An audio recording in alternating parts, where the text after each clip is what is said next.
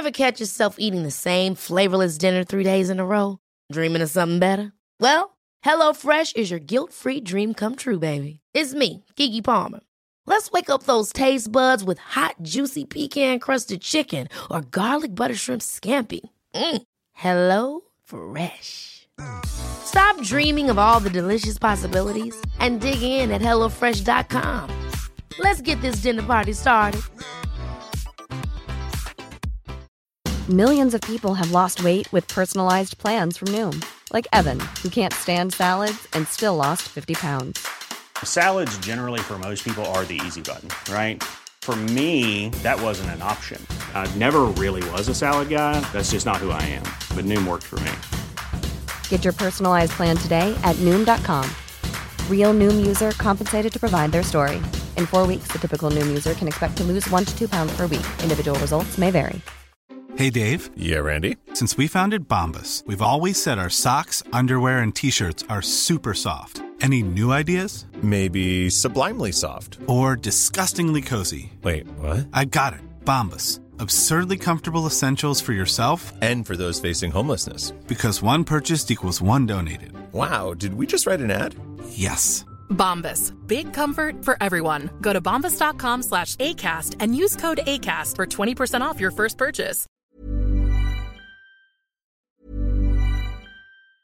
Hey, I'm Ryan Reynolds. Recently, I asked Mint Mobile's legal team if big wireless companies are allowed to raise prices due to inflation. They said yes. And then when I asked if raising prices technically violates those onerous two year contracts, they said, What the f are you talking about, you insane Hollywood ass?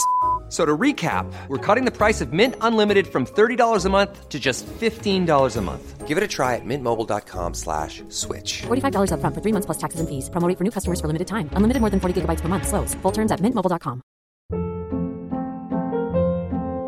Hold up. What was that? Boring. No flavor. That was as bad as those leftovers you ate all week. Kiki Palmer here, and it's time to say hello to something fresh and guilt-free. Hello Fresh. Jazz up dinner with pecan-crusted chicken or garlic butter shrimp scampi. Now that's music to my mouth. Hello Fresh. Let's get this dinner party started. Discover all the delicious possibilities at hellofresh.com.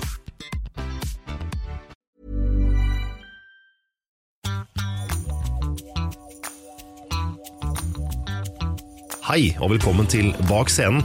Jeg heter Trond Harald Hansen, og i denne podkastserien skal jeg finne ut hva som skjer på baksiden av norsk showbiz-bransje. Enten det er produsenter, skuespillere eller artister. Og I dagens episode har jeg invitert Tommy Michaelsen fra mitt favorittband Picasso. De kom inn og fornya dansebandsjangeren på 90-tallet med låter som Hvis morgendagen aldri kommer og Timeglass, har de skaffa seg en solid fanskare. Velkommen bak scenen, her er Tommy Michaelsen.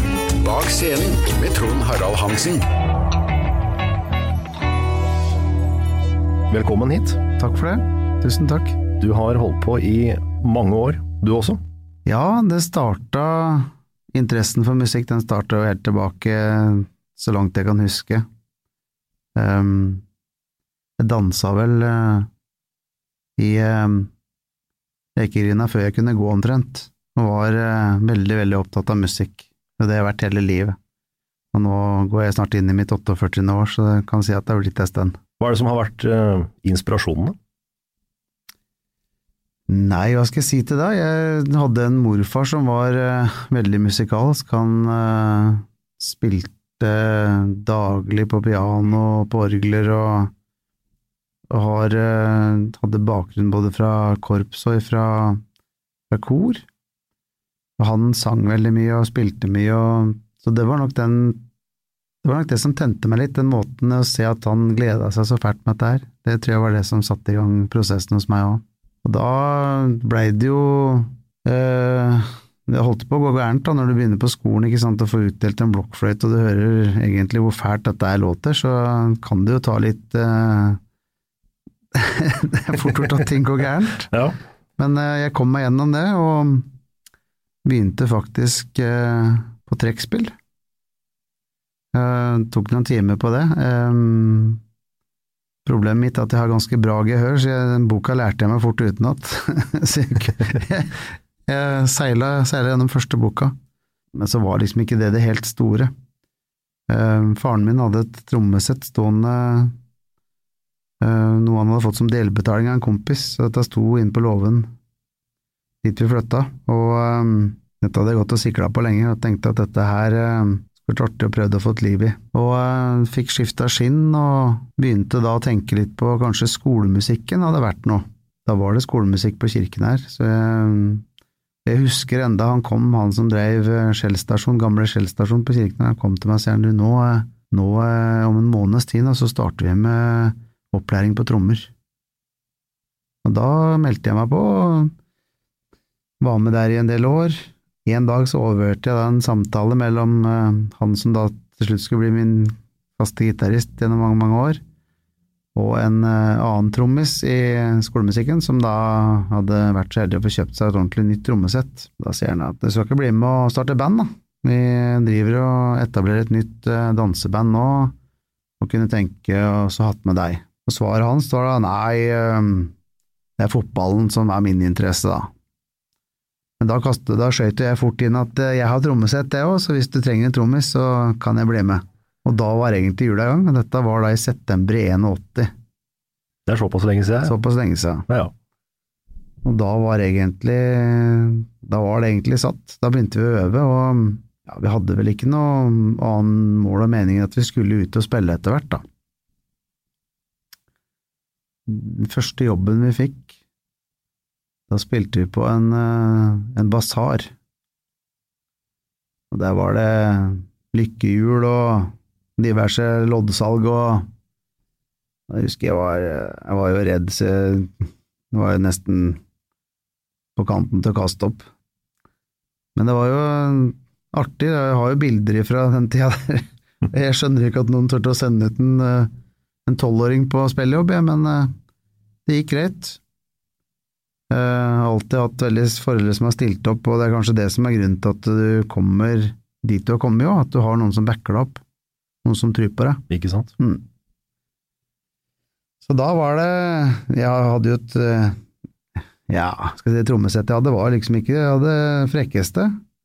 Jeg mangla high-hat, de lokka du slår på, liksom, det, det var det dårlig med. Så jeg første måneden spilte jeg jo stort sett bare på kanten på skautromma, så det låt ikke akkurat noe sånn kjempefrekt, men uh, jeg ble ikke sparka, da. Nei, og så var det en slags start? ja da, så gutta, dem, nei, dem backa meg opp, og Fattern reiste rundt og drev som skoselger, så han plukka opp litt hist og pist, så plutselig da kom han tilbake med cymbaler, og, og, da var det i gang. Så reiste vi rundt her i store deler av Solør faktisk, og spilte, og vi hadde bra med jobber. Det var et band som da heter Flexi. Så dette her var um, moro. Jeg husker mora mi var litt sånn bekymra, for det, ja, når du er tolv år gammel, så er det liksom ikke bare å reise rundt. Nei, det er jo ikke det, man er jo fortsatt et, et ja, man er jo et barn. Ja. Så mutter'n ringte til um, lokale politimyndigheter og lurte liksom på åssen de skulle te seg, da. Og da sier han ja, de må vel ha med seg noen som kjører dem, sier han. Ja, han vokalisten, da, han, han kjører dem. Ja, da lurte han fælt på hvem det var, da. Ja, han heter Gjøran Gøran Trangsrud. Og ja, disse Trangsrud-folka går for å være ålreite folk, sant, så det får gå, det er greit. Da reiste vi rundt, og det blei jo ikke bare basarer, det blei jo det blei jo ordentlige fester, og her på landsbygda er det jo ofte sånn at uh, det konsumeres en del.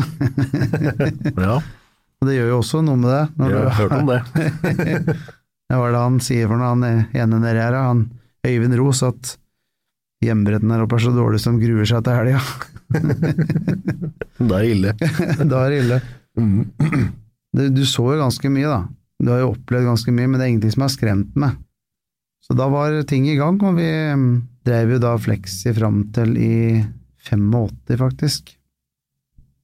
Og da hadde vi siste, eller 86, hadde vi siste spillejobben på terrassen på Jessheim, og avslutta med Monroes-låta Cheerio. Og da var det kapitlet over. Da skulle jeg ta meg litt pause, for da tenkte jeg det var greit å, å se om man kunne finne på noe annet, da. Og da hadde jeg med meg gitaristen min, eller da bassist, da. Han spilte bass med meg først, med Morten Bråten. Og han Vi prøvde en sommer og skulle liksom prøve å ta det litt med ro, det gikk jo ikke det. Vi satt oppe hver natt og spilte gitarer og sang og drev, så det var jo bare å glemme. Så da var vi fort i gang med nytt band igjen, og, og reiste rundt og spilte og ja, kom aldri noe lenger at det blei litt sånn lokale jobber, da. Vi var et par turer ned på Kims på Lillestrøm og litt sånn. Litt Så utabygds. Litt, litt utabygds, ja. Og så fikk vi oss eh, et management, som det nå så fint heter, da. En kar som heter Oskar Helne. Og han eh, Han passa på oss. Dette var en eh, ordentlig god, gammel kar som eh, hadde drevet i bransjen i 100 år. så han passa på oss. Så de jobba som jeg satt utenom. Der ringte han alltid, husker jeg, lurte på åssen det var før helga, om alt var klart, og alt var i orden. Så han passa virkelig på oss, så det var veldig, veldig trivelig. Veldig ålreit, det da. Ja, og det er klart når du er eh, i den startfasen i livet, så er det greit at det er noen som er der for deg og kan rettlede, da. Absolutt. Det største problemet mitt da var jo det at vi skulle kombinere dette med skole, og du vet jo åssen det er. Det, da dette begynte å eskalere, så blei det jo mye spilling etter hvert. Og skolen havner langt bak. Ja, kunne fort det altså. Det var noen eh, mandager jeg vet mora mi var ordentlig grinete på meg. Når vi da hadde spilt kanskje eh, også søndag, for på SM så var det sånn at du spilte Var det torsdag, lørdag, søndag? Og fredag var det diskotek, jeg tror det var sånn. I hvert fall så spilte vi søndag. Og du kan tenke deg sjøl når han har pakka ned da på søndagskvelden og skal eh, prøve å komme seg på skolen. Det er ikke lett. Nei, det, så der ble det en del eh, Det var da mamma litt sånn smågrinete, men eh, vi kom oss igjennom det òg. Og så, eh, etter hvert, så begynte vi å lukte litt på dette at vi skulle ha egne låter. Vi spilte jo I starten så gikk det jo stort sett bare kun på norsk og svensktoppmusikk, og det er jo Vi ligger jo såpass nære grensa, så det var jo ikke så rart, det, kanskje. Og så er det jo salgbart. Ja, ja, ja. Så måtte du ha de rette låtene. Det her er jo Svenske band har jo reist over grensa her i alle år. Det er jo seks mil til grensa, og de har jo kjørt, vært der og spilt flere ganger i måneden rundt omkring på lokaler rundt der, så det er jo det folk ofte gikk ut for å høre, da. Begynte å leke litt med det å kanskje etter hvert kunne komme så langt så vi fikk ei plate, men vi hadde liksom ikke noen låter, og jeg veit vi reiste over etter hvert når vi da først uh, danna Picasso, så veit jeg vi reiste over og skulle prøvelage ei låt, eller noen låter. Vi hadde skrevet hver vår, husker jeg, og reiste over til Sverige og, og spilte inn disse låtene, men det blei jo liksom Ja, det blei verken fugl eller fisk. Så vi, vi kom aldri noe videre med det før vi møtte på Per Erik Edtjerne etter hvert, og, og virkelig fikk satt dette her, liksom. Han var jo en, allerede tilbake det første albumet vi ga ut da i, som vi begynte å jobbe med i 4-95, så var jo han Han hadde jo masse fint med seg i bagasjen. Ja. Så da var vi liksom, når vi først da fikk tak i han og, og begynte å lukte litt på dette her, så var det penger, da. Da var det det å kunne satse litt. Og første plata vår på, med fem spor på den kosta jo borti 60 000 kroner, og det er ganske mye penger, da. Det er ganske skal- mye nå. Det var sikkert enda mer da. Ja, det var, jeg husker det var eh, Vi visste ikke helt hvordan vi skulle finansiere det. Da husker jeg vi ga ut plata, og ja, dette var jo sånn folk kjøpte når vi reiste rundt, da. Og så um, Ja, folk uh, syntes det var veldig fint, og det var noe nytt, liksom. Det var eh, dansepop, mente enkelte det var, da. Litt fuzzgitarer og hadde jo blås på første plata, og litt sånn som kanskje bandet hadde drive en gang i tida, da. Du vet, eh, store band som Torry Engs og Ole Ivars også har jo reist rundt og spilt topphits med blåserekke og alt, ikke sant. ja. Så dem, dem kjente igjen noe av den derre eh, ungdommelige gløden, da. At, ikke at noen skulle prøve å revolusjonere det, men at det var noe av de derre elementene de hadde hatt med sjøl, da plutselig kom tilbake. Henta det opp igjen. Dette forsvant vel på midten av 70-tallet? Ja, det gjorde det. Mm. Det gjorde det, vet du. Så plutselig kommer det et band som tar tilbake noe av det som dem hadde mista. Og vi sto jo steilt på dette her, og da husker jeg vi en av låtene ble plukka ut til å være med på en uh, danseplate som Audun Tylden skulle gis ut. Og dette skulle vel være en, uh, et plateslepp opp på Ekebergrestauranten. Da husker jeg møtte Erik Forfot for første gang, og da sa han at nå skal jeg ta deg med så du får hilse på eh, Audun Tylden himself. Bare vær klar over det at han har han har ikke eh, en høyre arm. Når du skal hilse på han, så må For den armen har han eh, Han har ikke arm, så han har en, eh, en hanske på den. En, Ja. så han har, han har bare en protese. Men ikke lag noe nummer ut av det, sa han. Bare bruk Bare hils sånn som det blir normalt for deg, sa han. Og da kom Audun Tylden, og han skrøt jo hemningsløst av dette her. Um, og da blir du jo veldig sånn wow. ja, og han, og han var jo liksom Han var- far innenfor den sjangeren her. Ja, han var det. Og han, han brydde seg veldig om det, og han, han viste liksom med hele kroppen sin at eh, dette, dette er greie, gutter! Dette kommer til å bli noe. Ja, det er fint at du ville ha med denne låt over. Ja, vi skal møtes, han. Dere får komme inn til Oslo en dag, og så får vi sette oss ned og prate. Og da, fra å være ingen til det liksom begynner å bli litt sånn småkjent, så det var stort for oss gutta. Hvordan oppleves det? Nei, det er eh, Jeg husker enda den dagen vi reiste hjem fra Oslo etter at vi hadde signa kontrakta, for det var jo to-tre to, av oss som reiste inn. Og det er sånn eh, Det er sånn surrealistisk opplevelse for en guttegjeng fra Soløy, liksom. Som da sitter i bilen og, og liksom ringer rundt de andre gutta og forteller du, hallo, jeg, vi har faktisk Eller ringer rundt de andre gutta, det fikk vi jo ikke gjort, for dette var jo nesten før mobilen var Jeg tror jo faktisk tror vi hadde mobil da. Ja. Vi hadde gjort eh, noe dårlig valg når det gjaldt eh, bandbiler opp igjen, så vi hadde stått fast både her og der. Så vi, Måtte ha det. Vi måtte ha. Så vi ringte, husker jeg, det var sånn eh, Ja, det var eh, Da var det liv i leiren, altså. Og det er nesten sånn som du ikke tror det er sant. Mini-CD-en kom jo i 96, første Ja. plata kom i 98. Var dette Ja. 97 da, eller? Ja, det var det. Så vi var jo Nei, det var, det var stort. Og det å vite at du hadde et selskap i ryggen som pusha på når du skulle gi ut albumet, det første albumet ditt, det var jo Det var jo kjempestort. Da med platekontrakt på innerlomma, går man i gang med å finne låter, eller var de låtene klare allerede? Per Erik hadde vel såpass mye uh, klart allerede, så jeg, det eneste jeg veit Han skrev ei låt ei natt før vi skulle opp i studio, men nå er jeg ikke helt sikker på om det var første eller andre skive, jeg tror det kanskje var til andre. Men han var sånn som kunne nesten laga på kommando, han. Og vi satt og titta på låtene individuelt og fant ut at her må vi ha noe mer sånn, så jeg reiste han hjem og skrev, han. Og det er jo helt sykt. Det er helt uh, sjukt. Ja, så han, jo, han lagde ting til oss, og um, det bare rasa turen, vet du, tekster og melodier og alt, så det var liksom, det var eh, det var, det var kjempeartig å jobbe med i studio, vi hadde med oss øh, øh, han som spiller trommer med Olivars i dag, var jo produsenten vår, og han Morten er jo en superflink kar, og han, han kjente nok igjen lydbildet fra den tida han var øh, ung, for å si det sånn, da. Så han visste jo da, med en gang han hørte at dette, han visste hvor han skulle ta det hen. Så det blei jo akkurat som vi ville ha det. Og da første albumet, da Blanke ark var et faktum, så blei vi jo jammen nominert òg, vet du, til Spellemann på første plata vår. Så det var jo Da var vi jo helt Da tok det helt av. Da var det nesten så hele grenda borte så begynte å fyre opp fakler og greier. Når vi attpåtil vant, da, så var det jo var satt opp fakler fra jeg kom hjem. Jeg kjørte, kjørte inn eh, grenda våre, så satte opp fakler fra veien og helt inn til huset der jeg bodde. Kjempegøy, da. Ja, det var, eh, det var spesielt. Nå var jo dette ganske spesielt også, for dette var jo da, når eh, prisen skulle deles ut, så var det enda med gammallandskategorien. Vi, var, vi vant jo da siste året hvor dette her, de var slått sammen, da. Til sikkert stor rede for alle de som spiller gammallands, og plutselig blir satt i en, Så, ja. en sånn sjanger. ja. Eh, Så vi vant faktisk da i sjangeren gammeldansk eh, skråstrek danseband. Hvordan var det, altså, og hvordan var reaksjonen fra de andre? Dere kom jo inn som helt nye og, og på en måte forynga sjangeren, da. Ja, jeg husker eh, Jeg husker eh, det var veldig mange som var glad for det, tror jeg. Jeg har aldri hørt noen vonde ord om det.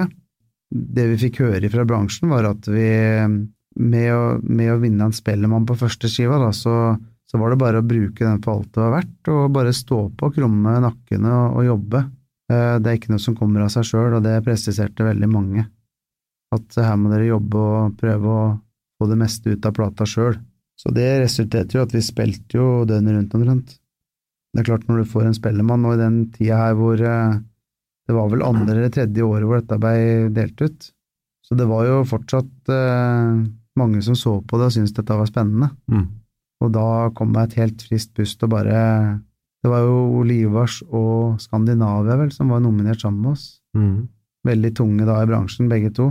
Olivars vant vel også den første Spellemann som blei delt Ja, ut. Stemmer det. Stemmer det.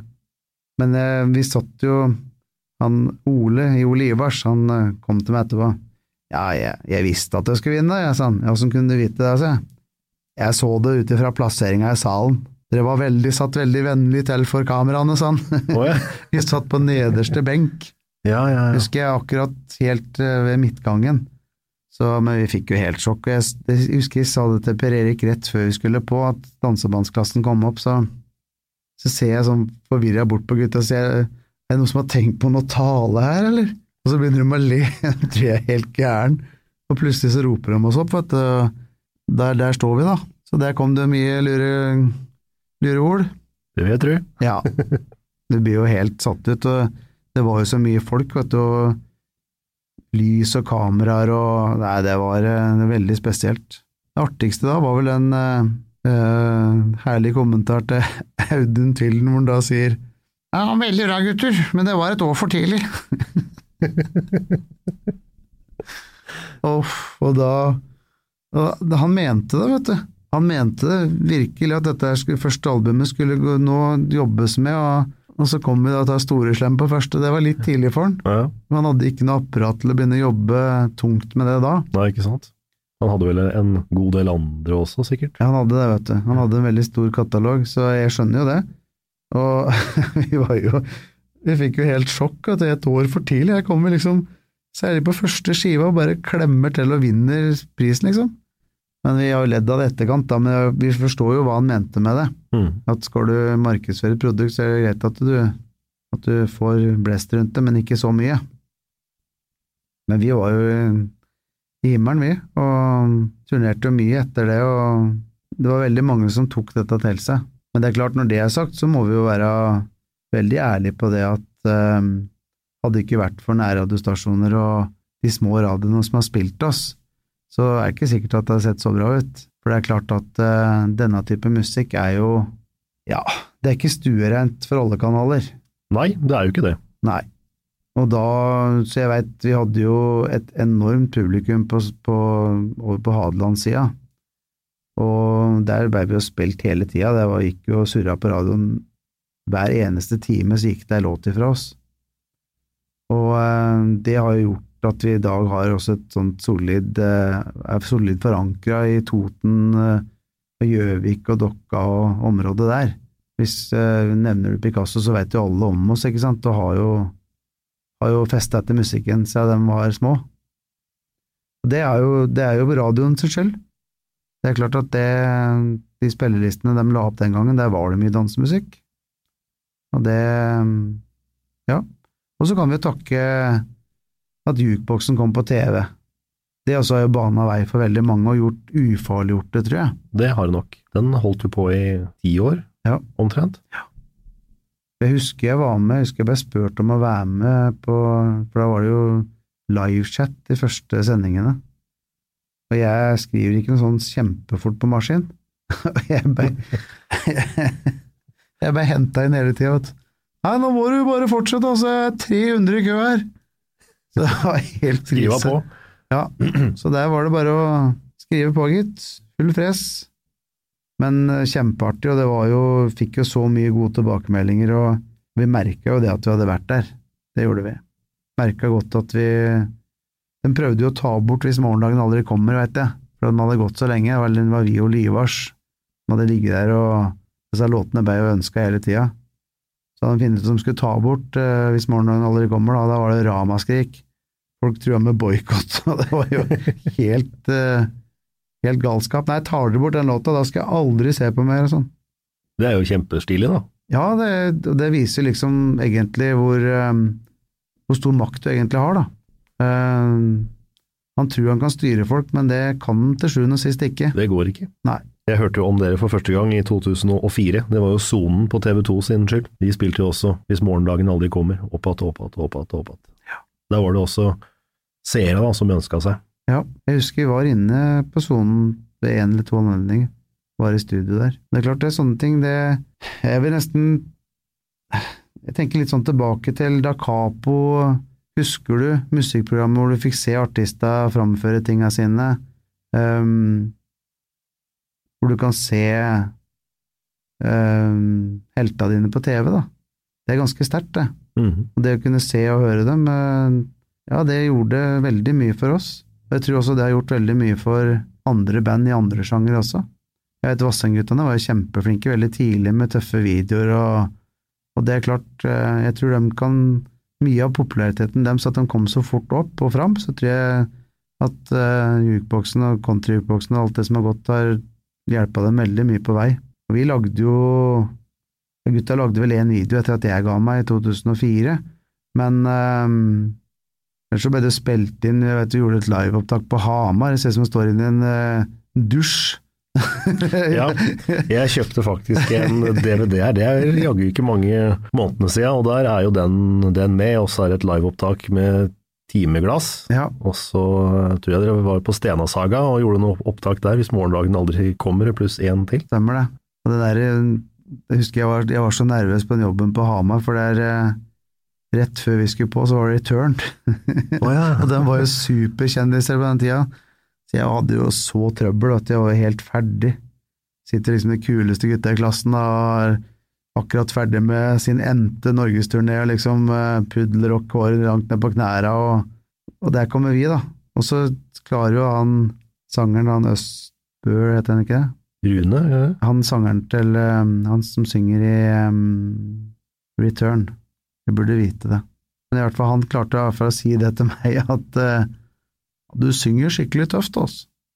Og da var vi Da fikk jeg landa. ja. Og livredd. Uff.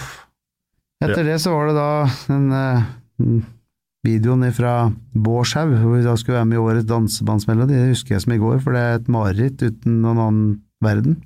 Det var da vi hadde med Troll i jord. Det var det ikke, det var da med time, timeglass.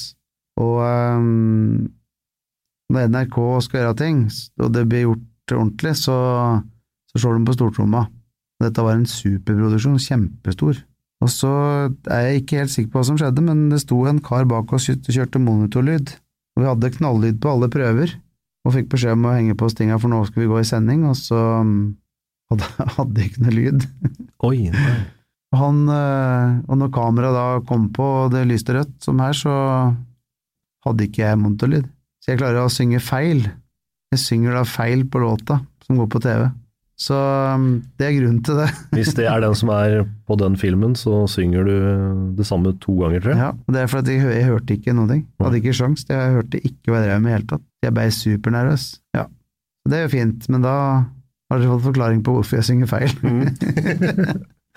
han fikk høre det, han bak der. Han 'Jeg skjønner ingenting, jeg'. Og vi var jo bare overnervøse alle sammen. Og det er aldri noe godt å skal gå på, selv om det skulle teipes, så var det liksom Du var ikke trent ennå, ikke sant. Du stoppa ikke og sa 'du, jeg hører ikke noe'. Det hadde han gjort i dag. Sa at 'nå får du ordne noe her, for jeg hører ikke meg sjøl'. Jeg hørte ikke hva jeg sang, jeg var helt på jordet. Kjemperedd. Det er ikke noe stas. Nei da, men da har vi prøvd det. Ja. Etter da både CD1, eh, Spellemannspris, eh, så kommer ny skive, 2000, mm. timeglass. Ja. Litt annerledes plate igjen enn eh, plate nummer én. Litt Ja. annet lydbilde. Ja, da skulle vi prøve å finne opp kruttet, da, vet du. Det er jo ofte sånn at prøve, han er jo livredd for andre skiva. Han er jo superredd for åssen det skal bli. Så da um, jobba vi med litt andre folk, og ja, prøvde litt forskjellige ting. Um, det blir ofte sånn at du skal prøve å hele tida fornye deg, og man tenker liksom ikke at never change a winning team, da. Ofte skal man liksom prøve å finne noe nytt og finne nye lydbilder og jobbe litt, og ja, jeg vet ikke helt. Det, det er veldig mange som liker både første og andre skiva for at de er soundmessig sett ganske like, men vi prøvde jo liksom å hele tida å strekke oss etter det derre neste målet, da. Og vi fikk jo alltid høre at det er supervanskelig, andre skiva er alltid den verste, verste, liksom. Det kan det nok være for noen, men du skal liksom ikke skremme vannet av unggutta, liksom, som da har vunnet Spellemann på første, og de fleste i bransjen satt og venta på nummer to, da, for å tenke at nå, nå skal vi slakte dem. Men det gikk faktisk ganske bra, og med timeglass da, så seila det opp en ny, ikke så stor som morgendagen kanskje, men ikke så langt ifra. Så da hadde vi liksom en ny hit på den også. Og det, da har du liksom scora litt, hvis du har og flere av låtene fra andre skiva også er veldig, står veldig godt i dag også. Jeg er stolt av de. Var det enklere å slippe til på radio etter album nummer to? Rikspressen likte oss aldri. De hadde stempla oss da de så den gule labelen, og det er litt synd. Hadde vi Dette hadde kommet da i kjølvannet med at både Hellbillies og DD trakk seg ut av Tylden og co., liksom, og, og sto på egne bein, og det var en del sånn bruduljer rundt dette her. Og jeg veit ikke om de boikotta den eller hva de gjorde, altså. men det var ikke noe lettere for oss å komme inn på på de store, tunge tinga. Det var det samme vi hadde hatt hele tida. Det var nærradiostasjoner som var kjempehippe på å få oss rundt. Vi måtte jo for skams skyld reise rundt og gjøre de intervjuene vi ble bedt om og sånn, og det, det, gjorde vi jo med glede, for dette var jo folk som stilte opp for oss. Men uh, det å komme inn på andre ting enn det som var gitt, liksom, sånn som Dansemannsdypet og sånn, det var helt utenkelig. Vi mente jo vi hadde låter til det, da. Uh, du husker vi prata fælt om dette her, uh, eventuelt å kunne gjort en, en jobb under en innsamlingsaksjon, da. For eksempel Hun går alene, som er en sånn kjempelåt som kunne blitt brukt i, til hvilken som helst innsamlingsting, da. Dette å ha noen som støtter seg og sånn, det mente vi at det kunne vært en super låt å bruke til det, og sendte vel inn forslag både hist og pist, men fikk aldri noe svar engang, liksom. Det ble aldri aktuelt. Og da føler jeg liksom litt sånn uff, ja, det, det er synd. Hvorfor gjør han det her? Ja, det blir jo litt sånn, da. Han føler liksom at han er i en sånn du er, Det er en litt sånn boble, da, for at hjemme er du kjendis, og folk spør deg hele tida hvor du jobber hen, åssen du har vært på mye jobber nå, hvor er dere rundt og spiller, og da turnerte vi hele Norge rundt, eh, opp til Nord-Trøndelag i hvert fall, og reiste helg etter helg og spilte overalt, og litt sånn uh, han kjendisen som bor på der, vet du, han reiser rundt med Picasso og de spiller kjempemye og sånn, men så, så ble det aldri, du slo aldri ordentlig gjennom det store, tunge, kommersielle, liksom. Du fikk bare det du ja, fikk jobbe med det vi gjorde, da. Mm. Klart vi var glad for det, for det, det hadde vært utenkelig å komme dit vi gjorde uten det vi hadde, da. Men eh, ny skive, så var det opp til Radio Hedmark, og så var det NRK Hedmark å gjøre sendinga på Elverum og gjort som en liten sak der, og så, så var det that's it, liksom. Mm. Det er jo Dette blir jo styrt av helt andre ting enn eh, en du og jeg.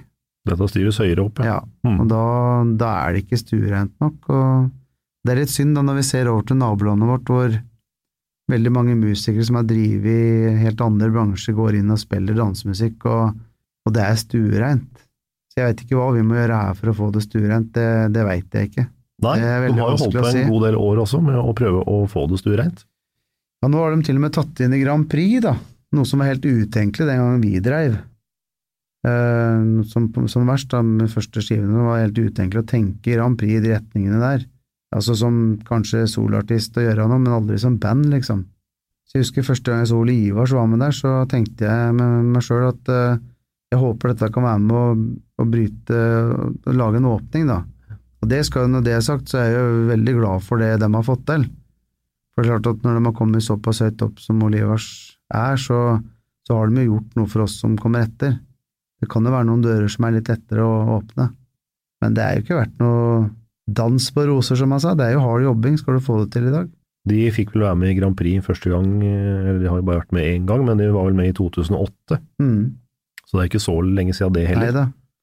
Men det er i hvert fall en utvikling i, riktig, riktig, retning, da, det, sånn som jeg ser det. For det, jeg, tror vi, jeg tror nordmenn og Altså, vi er, eh, vi er cowboyer og bønder, de fleste av oss. Og dette er musikk som går rett igjen. Det er musikk til folk. Og hvis han ser hva som blir spilt og hva folk liker, så og kjører rundt i bilene sine og alt mulig rart, så er det jo dansemusikk ofte og countrymusikk. Og det er jo liksom festmusikk for dem, da. Så jeg håper, eh, håper ikke at sjangeren dør ut. Da Jeg håper ikke det. Det er klart at uh, man må gå noen runder, og dette går jo opp og ned, og dansen er kanskje ikke Selv om det har kommet dansemiljøer, så er det jo Veit ikke om dansen så, står så sterkt i dag som man gjorde bare 10-15 år tilbake, når det var fest på lokalet og alle skulle ut i helgene. Vi har jo fått såpass mye multimedia-ting hjemme, så vi kan jo gjøre nesten det meste hjemme. Og da gidder ikke folk å gå ut. De gjør jo ikke det. Og dette har jo ringvirkninger både på utesteder og alt mulig, det. Ja, han kjenner jo på det at uh, det er vanskelig å Det er vanskelig å drive og se jo i forhold til dette med arrangører og at ikke folk møter opp, da, det er jo supertrist. Nå ga jeg meg Picasso i 2004 og skulle liksom bli prøve noe nytt, og var egentlig litt sånn Jeg var lei dette her, for jeg, jeg syns ikke jeg hadde noe mer å gi. Men så er det jo sånn da at han han skal vel ta noen sånne sidestikker da, for å komme tilbake igjen. Ja. Jeg fikk jo jobbe da med, med Rolf Graffer fra Lava, og ga ut ei soloskive i 2005 som jeg fortsatt er stolt over, og ble jo sponsa den plata. Den kosta jo nesten 400 000. Og jeg er jo superstolt av det jeg fikk til der, for det var jo kanskje en litt annen side av meg, men når du har blitt kjent med Timeglass Morgendagen, alle disse gode norske låtene plutselig skal slå igjennom på engelsk, så så er nok det mye vanskeligere enn det han tror. Det er litt uvant, eller? Altså, folk som da fikk høre dette her, det var sånn, de mente kanskje at det var et sånn kvasiprodukt. Eh, hva er det han skal prøve på nå, da?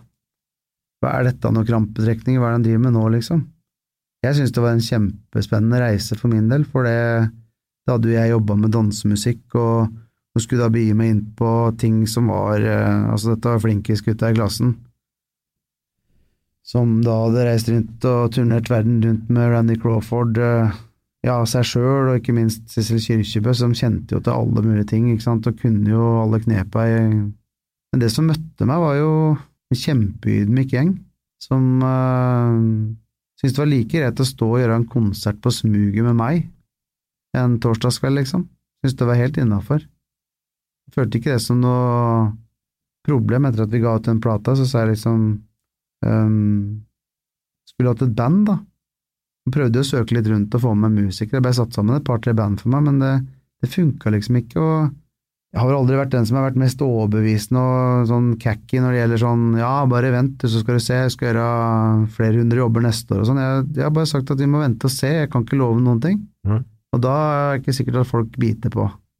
Så jeg husker eh, Artig historie tilbake fra den tida var eh, hadde møte med flere, og han husker spesielt en som kom og sa at nei, dette hadde han ikke noe tro på. Nei, se, det, det, er forståelig, nå har vi hatt et møte, og jeg kunne godt tenke meg å ha hatt deg med, men jeg forstår det, jeg har liksom ikke noe konkret å komme med. Og så blir det vinterrally i Norge, og så skal de virkelig slå litt på stortromma, da. Og da hadde jeg gitt ut skiva mi, så da ville de gjerne få tilbake en av bygdas sønner. Og da skulle jeg ha med meg musikere og spille der, og det blei jo da Lava, ja, på kirken her. Og Lava, det er ikke småtteri? Nei, det er jo Norges svar på Toto, liksom, så det er ikke mm. noe smågutter. Marius Müller var jo med dem, og dette var jo liksom flinkisgutta. Ja. De kunne sakene sine og var jo veldig influert av West Coast og Toto-musikk, og det var sånn, hva skal jeg si, det var uh, musikermat, sånn som var morsomt å høre på. Den var uh, den var, eh, den var helt egen spesiell klasse, liksom. Uh, og kommer da til kirken her, da, og tusler da inn i dette teltet vi skal spille. Det var jo satt opp, det var jo så svært, så det har jo aldri vært så stort telt på kirken her noen gang. Og kommer inn der, og jeg kommer aleine med kassegitaren min, og møter jo på denne fyren, som da skal spille der med en annen lokalhelt. Og så Ja, skal du spille her? Så du skulle spille her? Ja, ja, jeg skal spille etterpå. Fått med deg noe band, eller? Ja, jeg har fått med noen gutter fra Oslo, så jeg. Ja, nå er jeg spent. Og Da husker jeg Per Hillestad og Rolf Graff kom sammen inn i teltet. Han eh, Ja, jeg har aldri sett et sånt ansikt noen gang, verken før eller seinere. så sa han bare sånn stille. Åh, er ikke de verste gutta i klassen? Og det, det var ikke at jeg skulle ha noe sånn gadget på det, altså, det tok jeg det, men det var litt sånn, ja, du bør ikke være fra byen for å få det til. Det viser jo bare at hvis du har litt trua på deg sjøl, og ikke minst at andre tror på deg, så kan du få til ganske mye. Og litt stå-på-vilje? Ja da, du må aldri gi opp. Nei, det, det blir mange tunge dager, og det veit en jo sjøl. Når Skinhead begynte jo som sagt som tolvåring, og da veit en jo det at da, da, har du hatt alle dager, ikke sant, så da må du bare stå på. Hvis du tror på det sjøl, så må du bare gønne på. Og så begynte liksom, det var vanskelig, og det var ikke noe lett å sette jobber på en dansebandsmusiker da, som skulle bli, prøve seg på popting, liksom. Så da begynte jeg å jobbe med helt andre ting, og begynte å gjøre en del duojobber, og ja, reiste rundt i, på alt mulig rart, egentlig. Og um, tok jobber der det var. Og um, da jobba jeg jo fullt utenom. Jobba ved en skole, barneskole. Og så um, Da hadde jeg jobba tre år på et barnevernssenter før, da. Så jeg har hatt jobb hele veien, ikke sant, men så plutselig bare tenkte jeg at nå skal jeg gjøre noe som gir meg noe sjøl. Og da begynte jeg å jobbe på heltid med musikk. Kutta ut alt annet, egentlig. Fant ut at det var noe som ga meg veldig mye. Begynte å jobbe en del i kjerka, og, og synge veldig mye begravelser og brylluper og alt sånt, egentlig. Og det ga meg en helt ny dimensjon på ting, som eh, det tror jeg hjelpa meg på veien til å komme dit jeg er igjen i dag, da. Hvor vi da i 2014, eh, etter at vi da hadde hatt noen år med Vagabond, som vi da skulle please alle danserne, vi satt jo sammen et band egentlig med øye for det, og det fikk vi jo til. Det ble vel en tre album der òg, ble det ikke? Ja, det ble det. Og det morsomme her var jo at vi da også på første skive her tar Spellemann. Så Vagabond nå var jo et stjernelag. ja, det var jo håndplukka, det. Det var jo satt sammen av, av folk som Jeg prata alltid om den spydspissen jeg, når, vi, når Vagabond skulle tas opp. At da har du fire personer som hele tida jobber mot et mål, eller det spiller ingen rolle hvor mange du er, men hvis alle jobber mot et felles mål, så får du nesten ikke stoppa det. For da er det så kraft i det. Det merka vi jo med Vagabond, at eh, det var jo skikkelig tak, vet du. Vi hadde jo flinke folk med oss på alle, alle planeter, sant? så det var jo, folk jobba jo som gale for dette her. Og vi hadde jo flust med jobber, og det er klart når du da sparker i gang et band som plutselig låter som et kvasi-svenskeband, med litt tøffere sand, tok tilbake noe av rockens ting, liksom, for å lage det litt sånn spiselig for uh, allmennheten, med da Per Erik Edstjernes gode tekster på mye av dette her, så blei det jo Det blei jo supert, ikke sant? Og seila rett inn på alt som var Alle, alle prater jo om dette her. Så det var jo en spennende reise for oss, det. Da fikk jeg virkelig sansen for dansemusikken igjen, liksom. Og så hvor mange som da reiste rundt og, og likte dette her.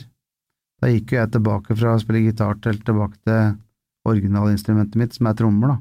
Men vi bygde scenen litt annerledes, hvor vi da satte meg fram, så jeg sto foran på scenen sammen som et annet medlem, liksom. Så Ja. litt spesielt oppsett, men Ikke folk likte det. Ikke stua bak der. Nei, jeg ble ikke satt i, bak, bak, bak i evja, nei, jeg Nei. satt heller fram.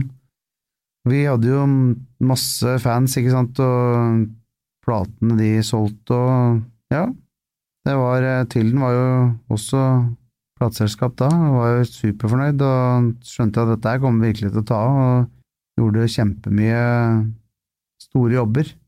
Vi hadde jo stort sett overalt hvor det ble nevnt et eller annet, om det var selger og sel, så var vi med, liksom som en av headlinerne. Og så gikk, så blir det som regel sånn at folk går lei til slutt. At det er et eller annet som gjør at de kaster inn håndkleet, og det skjedde jo også her. Når Lars slutta, som var hjernen bak det, da. Han, Lars Espen Skogvold hadde jo da slutta eh, med Trond Eriks, og da var Per Erik med som vikar. Siste jula de spilte sammen. Og da um, ville han gjerne at de skulle finne på noe. Og det um, da tok de kontakt med meg, da, for da dreiv jeg og rota rundt med mye rart, og hadde egentlig ikke helt funnet greia mi. Da dreiv jeg og spilte mye duojobber og ja, gjorde alt mulig rart. Så da lagde vi dette bandet her, og det seila fort opp, for det var jo virkelig noe folk eh, ønska.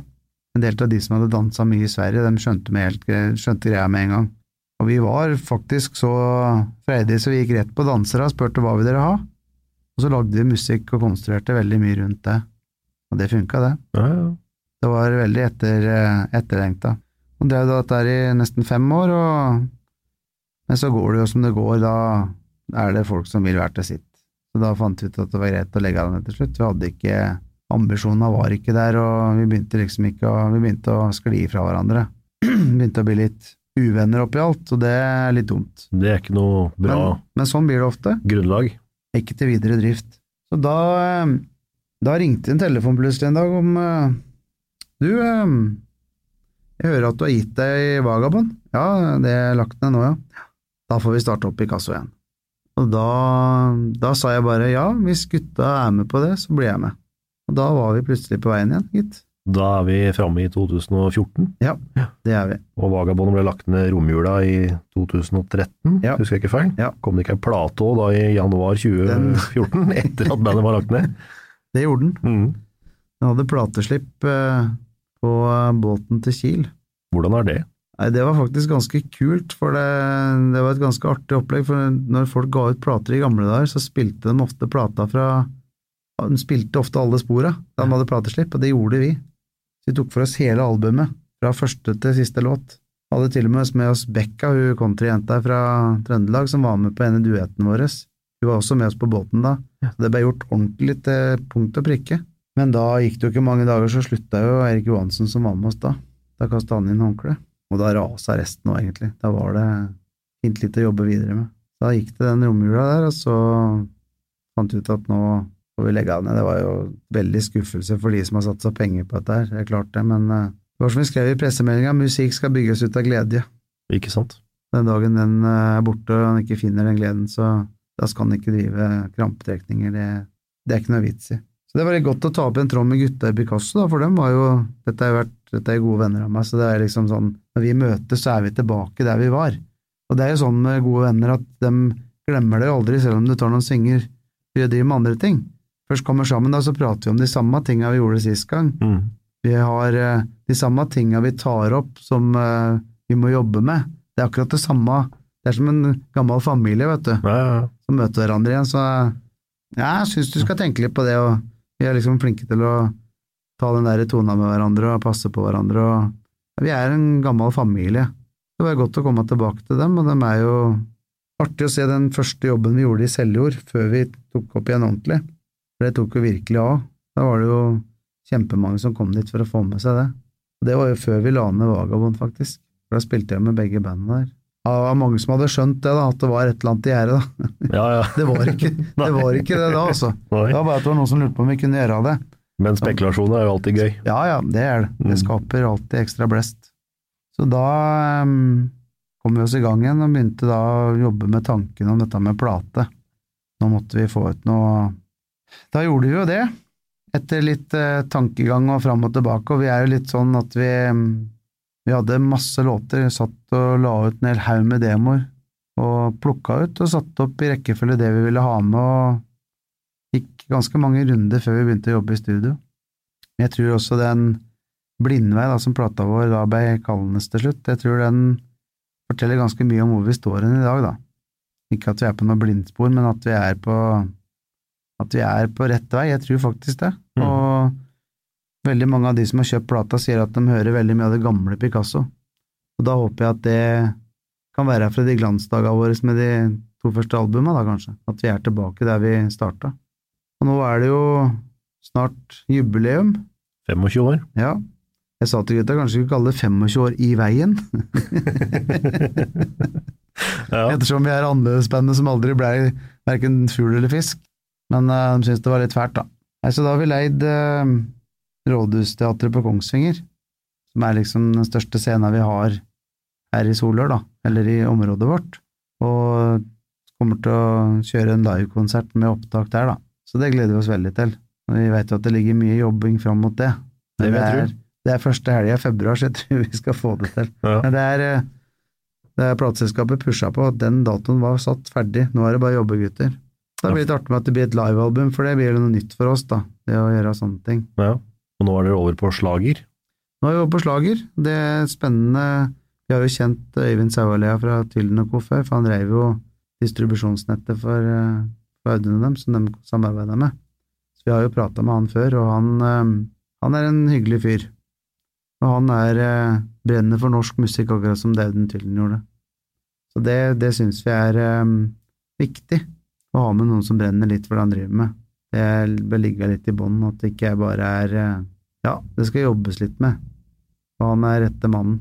Så må vi ikke glemme Leif Holger oppi dette her, som er en sånn uh, bulldoseren i selskapet. Det er han som uh, er med å hjelpe dere tilrettelegge for oss, og noen ganger så merker du at du har sånne folk med deg, for da blir det gjort.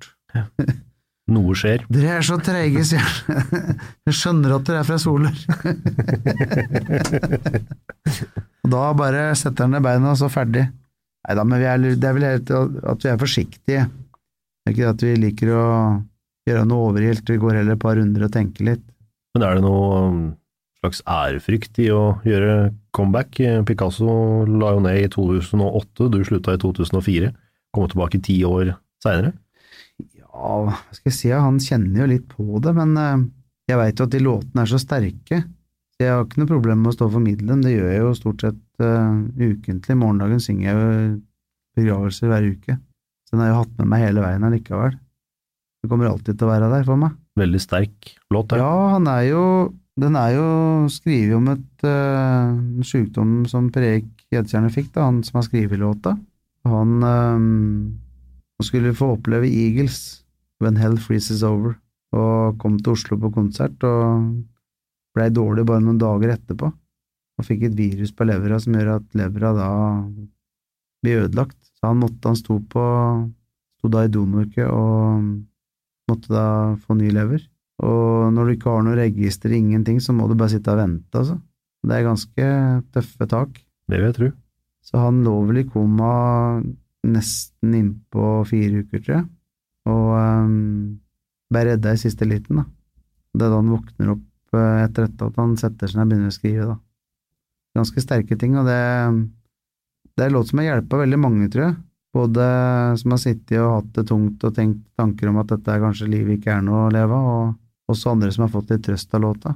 Det er klart, når du har sånne ting med deg, så da er du heldig. Det baner litt. Det er, det er, du er ikke, selv om du har vært borte en stund, så husker folk deg likevel. Ja. Og det er disse låtene her som har, og denne Timeglass, ikke sant, som har bana veien for populariteten vår, da.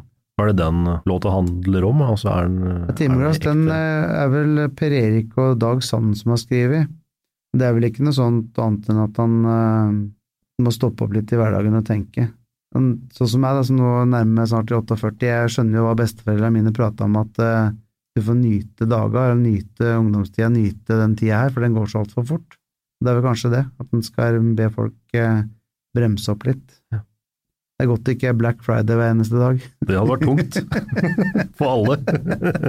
Ja. Nei, men jeg ønsker lykke til med ny plate, som kommer, eller i hvert fall innspilling, skjer i februar. Plata er vel satt release på i juni, etter eh, det plateselskapet sier. Det blir jo noe etterarbeid på dette her, så det Og så får vi se om det skal lages Jeg har veldig lyst til at det skal lages da en, eh, en DVD i tillegg. Dette går jo på pris, så vi får se, men eh, det blir som jeg ønsker, så Og det hender seg det gjør. Så da, da blir det en eh, DVD også som vi kan gi ut, så folk kan ha et minne fra dette her. Det tror jeg kan bli en veldig fin greie å ha med seg. Så skal vi levere en eh, knallkonsert, det veit jeg. Det var min prat med Tommy Michaelsen. Og med det så er Bak scenen ferdig for denne gang. Jeg heter Trond Harald Hansen, er tilbake igjen om én uke for mer podkastprat. Velkommen tilbake.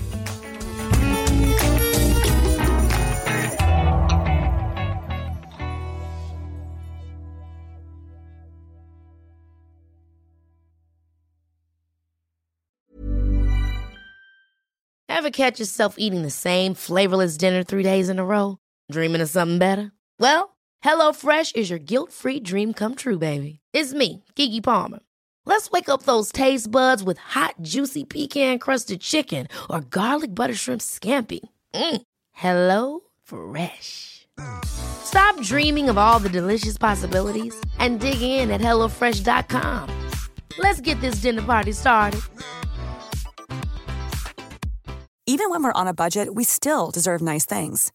Quince is a place to scoop up stunning high-end goods for 50 to 80% less than similar brands. They have buttery soft cashmere sweaters starting at $50, luxurious Italian leather bags, and so much more. Plus, Quince only works with factories that use safe, ethical, and responsible manufacturing. Get the high-end goods you'll love without the high price tag with Quince. Go to quince.com slash style for free shipping and 365-day returns.